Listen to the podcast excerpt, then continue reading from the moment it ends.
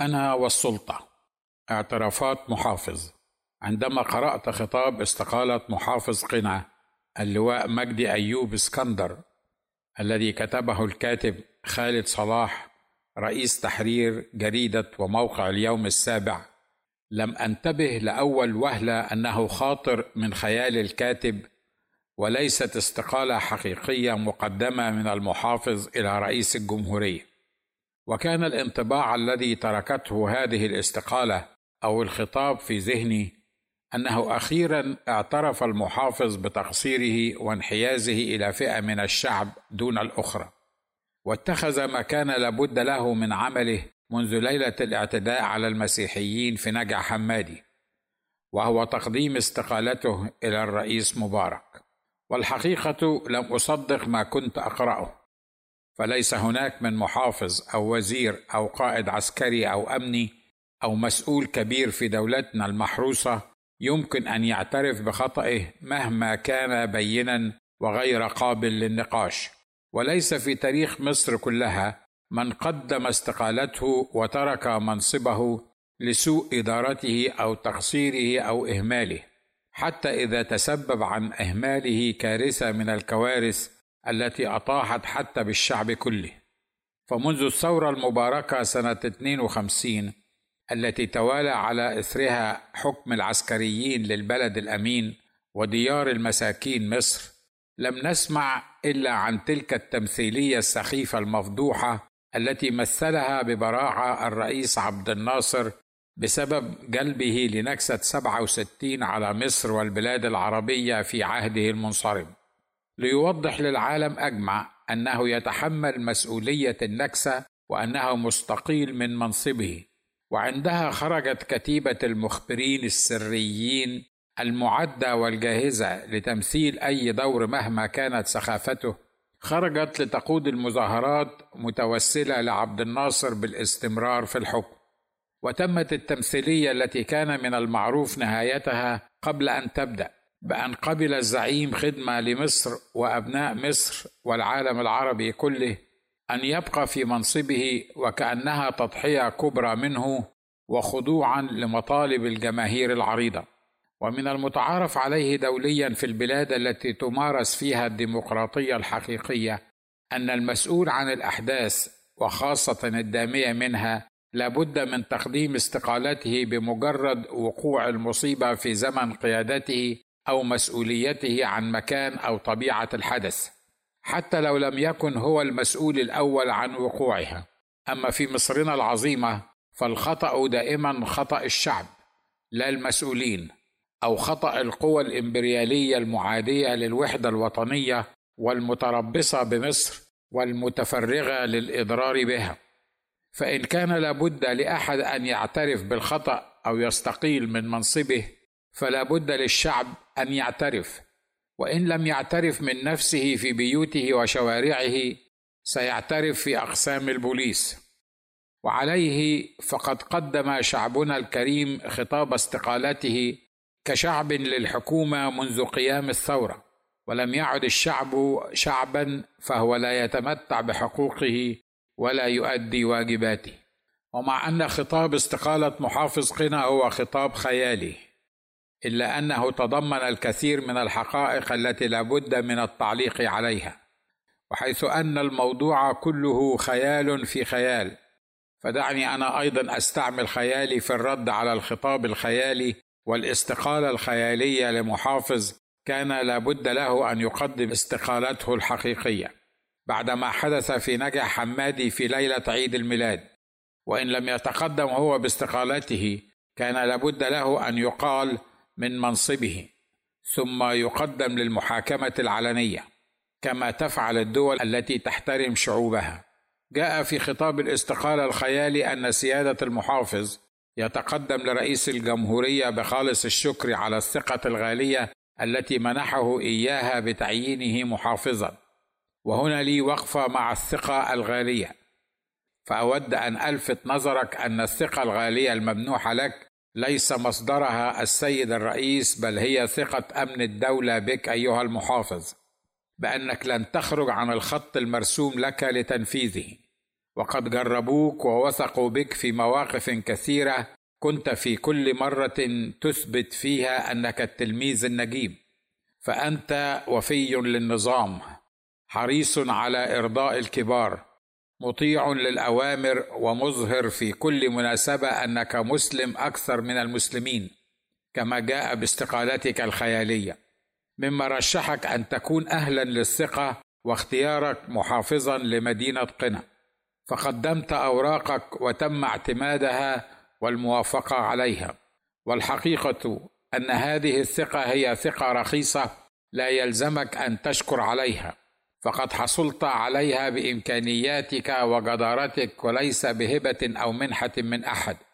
وحتى لا تشعر بعقدة الذنب لما حدث في محافظتك أريد أن أوضح لك أنك لست أنت الوحيد في مصر الموضوع في مثل هذا الموقف. بل لعلي لا أكون مغاليا إذا قلت أن 95% من المسؤولين المسيحيين بمصر في مختلف مكاتبها ومصالحها وإداراتها هم أيضا يلبسون نفس حذائك ويمشون على خطاك في الخطوط المرسومة لهم وإلا لما كان في استطاعتهم أن يصلوا لما وصلوا إليه من مكان أو مكانة ولما استطاعوا أن يكملوا المشوار. فلست أعرف محافظا مسيحيا آخر خرج عن الخط المرسوم له سوى اللواء فريد عزة وهبة. ذلك الرجل العظيم والذي دعي بحق مؤسس محافظة جنوب سيناء بعد جلاء الجيش الإسرائيلي عنها. الرجل الذي عرفته عن قرب فهو سليل عائلة كبيرة محترمة وغنية وكان عسكريا محنكا تدرج في عدة مواقع ورتب فقد خدم في مدرسة المدفعية ثم في رئاسة اللواء الأول ثم مدرسة مدفعية السواحل ومدرسة مدفعية الميدان وحصل على دورة أركان حرب 1958 ولتفوقه في مادة الشؤون الإدارية. اختير مدرسا لهذه المادة ثم قائدا للقاعدة الإدارية بمدينة الطور فكانت مسؤوليته هي إمداد كل القوات العسكرية في شبه جزيرة سيناء باحتياجاتها. ثم اشترك في تأسيس الجيش الثالث الميداني بعد حرب 67 وعمل رئيسا لإمداد وتموين قوات الجيش الثالث ومنها انتقل إلى هيئة الإمداد والتموين للقوات المسلحة ثم رئيسا لأركان إدارة المهمات ثم رئيس أركان هيئة الإمداد والتموين برتبة لواء ثم اختاره محمد أنور السادات في 1978 ليؤسس محافظة سيناء الجنوبية فقاد قوافل استلام أراضي سيناء وكذلك قوافل تعميرها. وظل هذا الرجل العظيم اللواء فريد عزة وهبة يعمل بفكر واضح ومنظم وحكيم لتخطيط المدن التي تم الجلاء عنها وتقديم الخدمات للاهالي سواء البدو المقيمين أو العاملين الوافدين إلى محافظته. كذلك للمسلمين والمسيحيين على السواء. وحتى الزبالين في امبابه والمقطم. كان خادما لهم حيث كان عضوا في جمعية خيرية تهتم بشؤونهم وتقوم على خدمتهم وتسديد احتياجاتهم. ولست أعرف رجلا آخر من المحافظين أو الوزراء المسيحيين خدم مصرنا مثلما خدمها هذا الرجل العظيم. فلقد ذكرني خطاب الاستقالة الخيالي للواء المحافظ مجدي أيوب بمقابلة الأولى مع اللواء المحافظ الراحل فريد عزة وهبة. كان هذا الرجل يتمتع بصفات كثيرة أهمها في نظري التواضع إيمانه بمسيحه ومسيحيته والجهر بها وتحديه للتيار الحكومي وتمسكه بالحق حتى لو أدى ذلك إلى فقده لمنصبه كمحافظ. ففي 1978 كنت أنا ونجل اللواء الراحل الكريم وحيد فريد عزة وهبة أقرب الأصدقاء بعضنا لبعض. كنا في السنة قبل النهائية من كلية طب الأسنان. ذهبت يوما إلى بيت وحيد صديقي وزميلي لدراسة بعض المواد العلمية وأدهشني وجود أكثر من عشرين سيدة ورجل بالبيت. كان من الواضح أن هناك مناسبة سعيدة لم أكن أعلم ما هي. اقتادني صديقي وحيد إلى غرفته. سألته ما هذا الحشد الكبير من الرجال والسيدات؟ قال وحيد هذا اجتماع روحي اعتاد أبي على حضوره مع هؤلاء الإخوة والأخوات. أما اليوم فلقد تم اختيار والدي ليكون محافظا لجنوب سيناء. تساءلت في نفسي هل يعقد سيادة اللواء المحافظ اجتماعا روحيا في بيته في يوم توليه منصب محافظ وما هي إلا دقائق معدودة حتى قرع سيادته الباب وهو يسأل وحيد مين معاك يا وحيد؟ دخل سيادة المحافظ ورحب بي قال وحيد ده ناجي يوسف زميلي في الكلية وأخ مؤمن ويحضر كنيسة القس سامي لبيب في شبرا وما أن سمع سيادة اللواء المحافظ اسم القسيس سامي لبيب حتى أخذ في الثناء عليه. ثم قال لي بما أنك أخ مؤمن ومن عند القسيس سامي ونحن مجتمعون في هذا الاجتماع الروحي وهذا اليوم الطيب فعليك أن تعظنا من كلمة الرب اليوم. كان عمري يومئذ 22 سنة. حاولت الاعتذار قلت له العفو حضرتك تتكلم اليوم وأنا أحب أن أسمعك. رفض وبشدة. وبعدها بعشر دقائق كان الجمع قد هدأ وأخذ الجميع أماكنهم. وقال سيادة اللواء المحافظ أشكركم كثيرا على مجيئكم واليوم سيكلمنا بكلمة الرب الدكتور ناجي يوسف صديق ابني وحيد. ونظر إلي وقال اتفضل يا دكتور ناجي. وجلس بين الحضور ووقفت وأنا أشعر بصغري أمام هذا الرجل العظيم. قرأت من رسالة كورنثوس الثانية والأصحاح الخامس. إذ نسعى كسفراء عن المسيح كأن الله يعظ بنا. نطلب عن المسيح تصالحوا مع الله. وبعد قراءة هذا المقطع تكلمت عن السفراء والسفارة. عن ملابس السفير لغة السفير ولاء السفير الخط الساخن التليفوني بين السفير ورئيس البلاد. خاطبت سيادة اللواء المحافظ أمام الجميع فقلت له لابد أن تعلم أنك ليس السادات هو الذي اختارك أن تكون محافظا لسيناء الجنوبية. بل الله وأنت في منصبك هذا. لابد أن تكون سفيرا للمسيح. فأنت لست ملكا لنفسك. أنت سفير لملك الملوك ورب الأرباب السيد المهوب المخوف المسيح يسوع. فكما يلبس سفراء كل بلد زيهم الوطني فيظهرون للناس هوية بلادهم فعليك أن تلبس المسيح وليعرف كل من يراك أنك سفيره.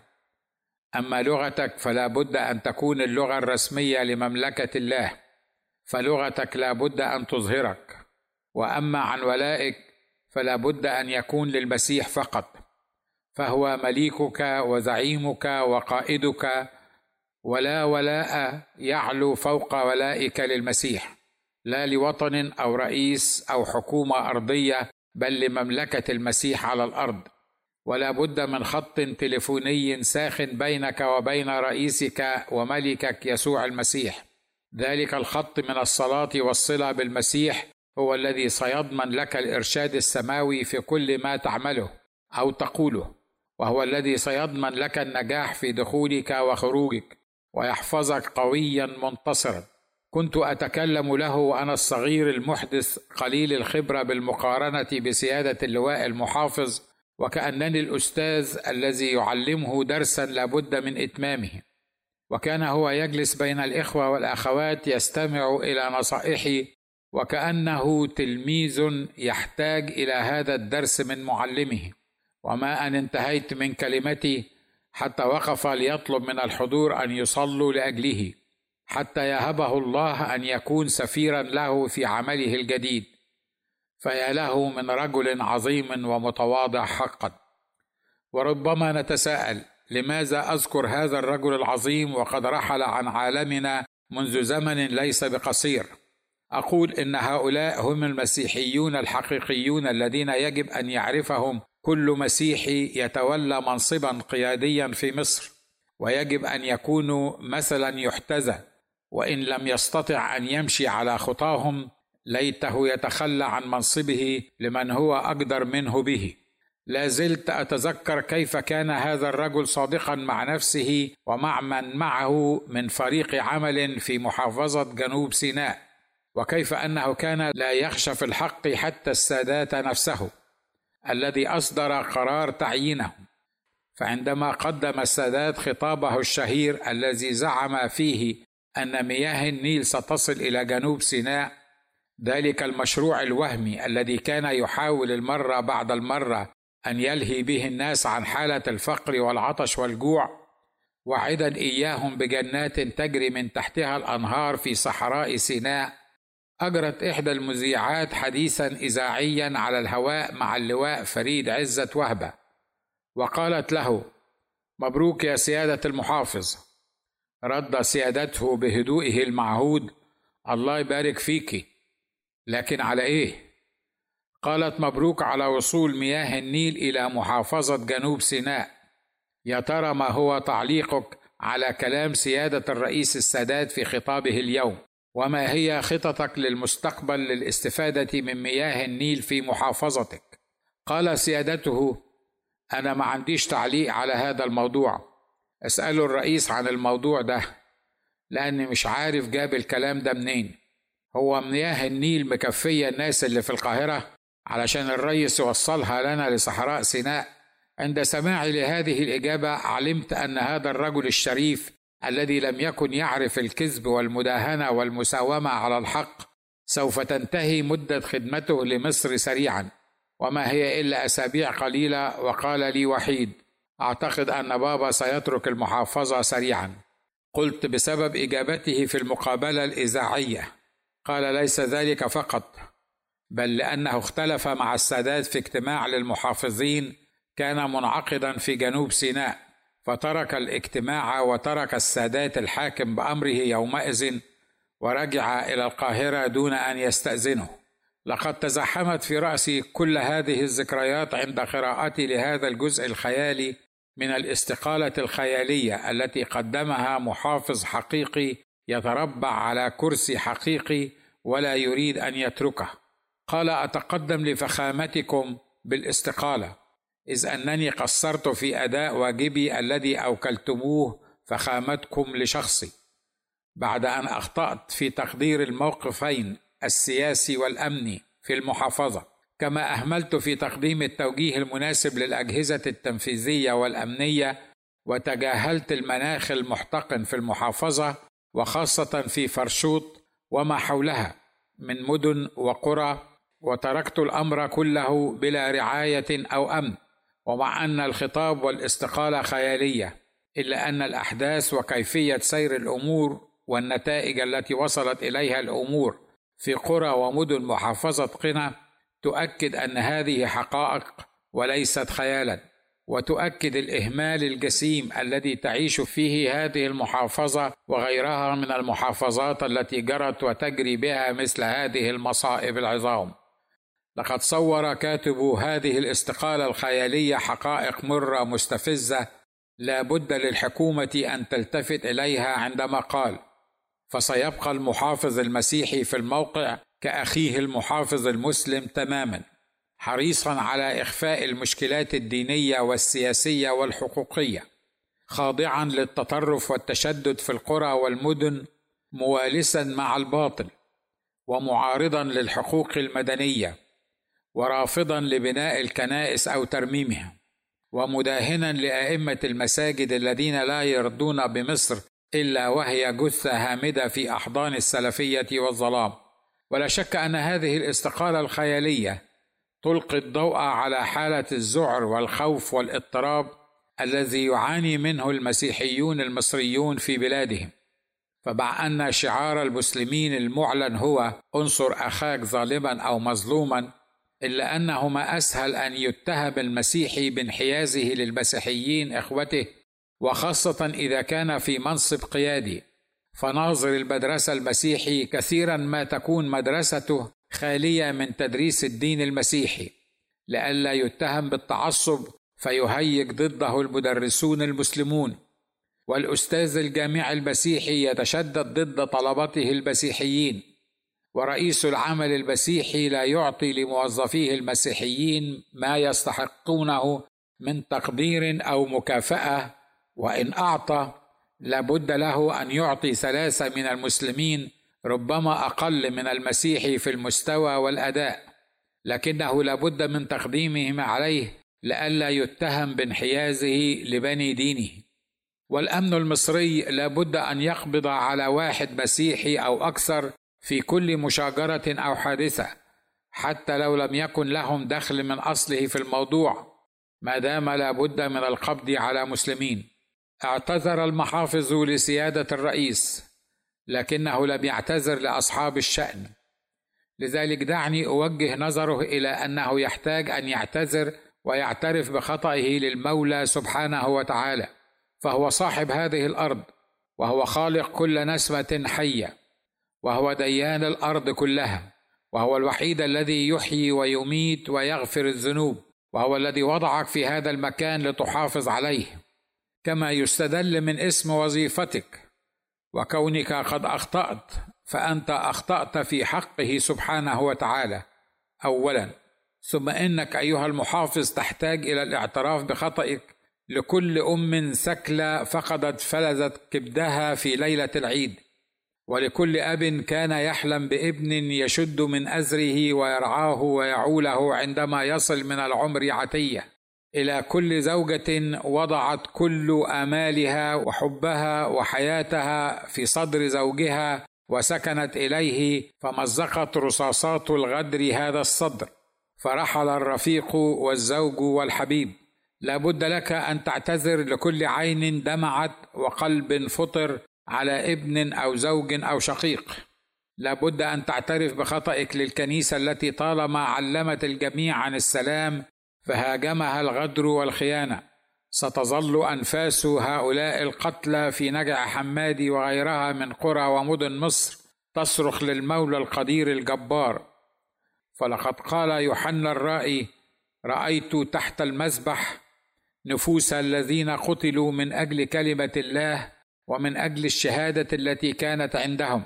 وصرخوا بصوت عظيم قائلين حتى متى أيها السيد القدوس والحق لا تقضي وتنتقم لدمائنا من الساكنين على الأرض؟ رؤية ستة من العدد تسعة لعشرة. ستطارد هذه الأنفاس المسؤولين عن أرواح الناس في مصر كبارا أو صغارا مسيحيين أو مسلمين.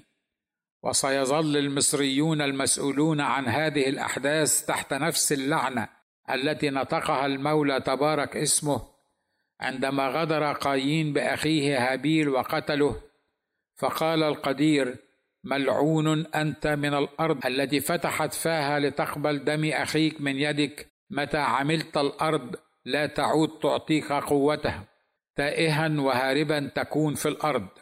تكوين أربعة 11 12 فالأرض التي تفتح فمها لتقبل دم الأبرياء من كل دين وملة وعقيدة هي أرض ملعونة ومن يغدرون بالأمناء والمسالمين هم ملعونون إلى يوم الدين. من الأرض التي يعيشون عليها وبئس من يلعنه المولى وتلفظه الأرض وتطارده أنفاس من قتل من الأبرياء. وستظل أرض مصر تحت اللعنة إلى أن يكفر عنها أو يقضي المولى امرا كان مقضيا.